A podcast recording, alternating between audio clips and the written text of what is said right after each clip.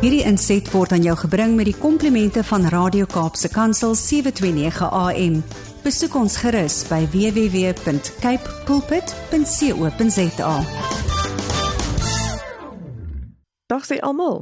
Dis weer tyd om oor gestremdheid sake lekker saam te gesels. Ek is Erika de Tooy.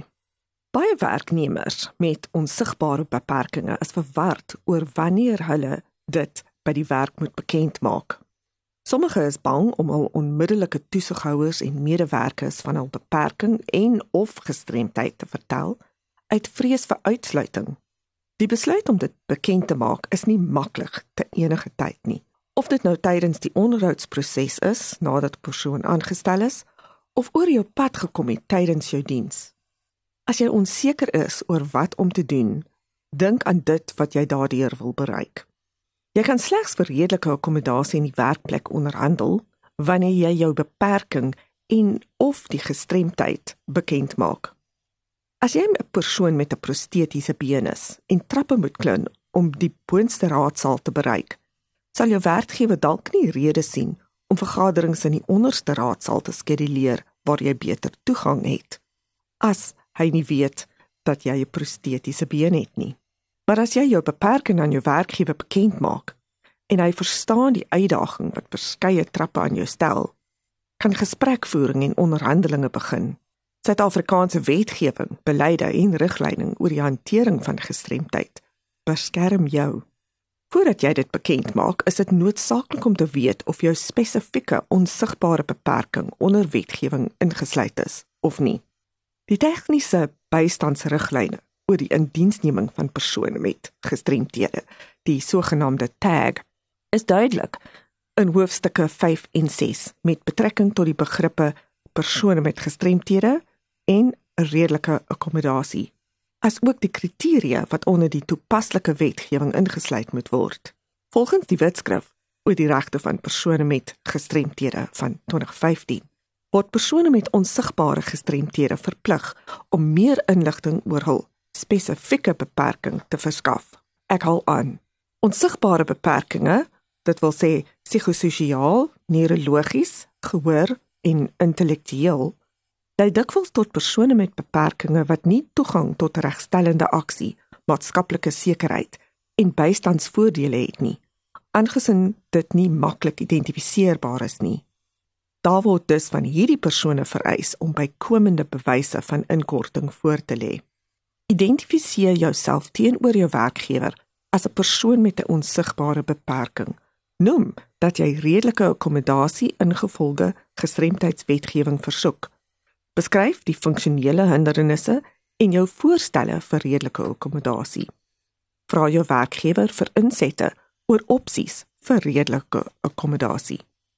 'n Funksionele verslag van 'n geregistreerde gesondheidswerker sal duidelikheid bring oor die funksionele impak van jou beperking en sal waarde toevoeg tot die redelike akkommodasieproses. Onthou, en hier haal ek weer uit die wetskrif aan. Redelike akkommodasie verwys na nodige en gepaste wysigings en aanpassings, sowel as hulpmiddels en tegnologie wat nie 'n situasie oplê waar nodig in 'n spesifieke geval om te verseker dat persone met gestremthede die genot of oefening op 'n gelyke basis met ander van alle menslike regte en fundamentele vryhede. Indien jy 'n dispuut met jou werkgewer het oor wat onder redelike akkommodasie val, kontak 'n regsadviseur met kundigheid op die gebied van gestremdheidswetgewing, asook tegniese kenners op die gebied van jou spesifieke gestremdheid vir leiding. Jy mag dalk ongemaklik voel om persoonlike inligting met relevante rolspelers te deel of verwerping of onregverdige behandeling van werkgewers of kollegas te ervaar weens vooropgestelde of negatiewe idees. Maar bekendmaking maak die deur oop vir beleide en wetgewing wat jou teen regte skendings beskerm. Dit laat jou ook toe om selfverteenwoordigend te wees en jou idees vir akkommodasie uit te druk.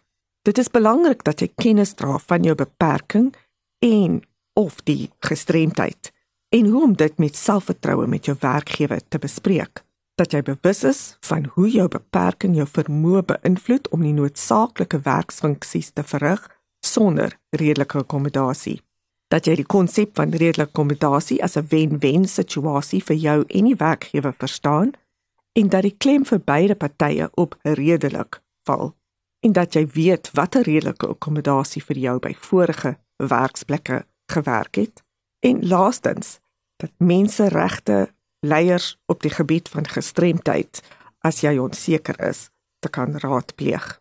Dit is moeilik om 'n onsigbare beperking by die werk bekend te stel. Wat jy ook al besluit om te doen en hoe jy besluit om die proses aan te pak, is dit noodsaaklik om te onthou dat net omdat jy 'n beperking het, dit nie noodwendig beteken dat jy nie goed in jou werk is nie.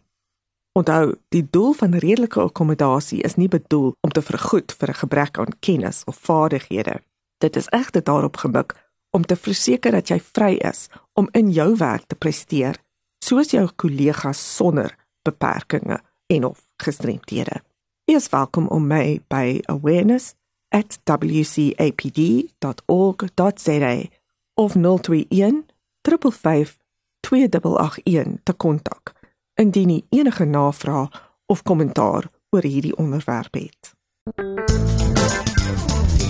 This insert was brought to you by Radio K Pulpit 7 to 9 a.m.